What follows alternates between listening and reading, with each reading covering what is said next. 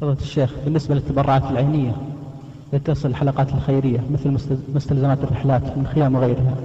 هل يجوز لي أن أستخدمها استخدام شخصي كان أخرج بها مع الأهل مثلا؟ الأشياء التي يتبرع بها لشيء معين لا يجوز صرفها في غيره. إلا إذا تعطل هذا الشيء المعين فتبذل في مثله. وعلى هذا في الخيام والأواني والغاز وشبه مما يكون للأعمال الخيرية لا يجوز للإنسان أن يستخدمه لمصلحته الخاصة. من هذا عدوان عدوان على هذه الجهة. من وجه وأيضا عدوان على الذين يتبرعوا لأن الإنسان إذا تبرع فإن هذا الذي أخذ التبرع يعتبر وكيلا عنه. والوكيل لا يتصرف في غير ما وكل فيه.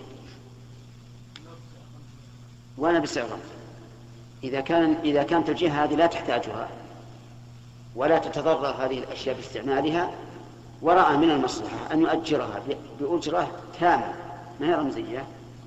فلا بأس.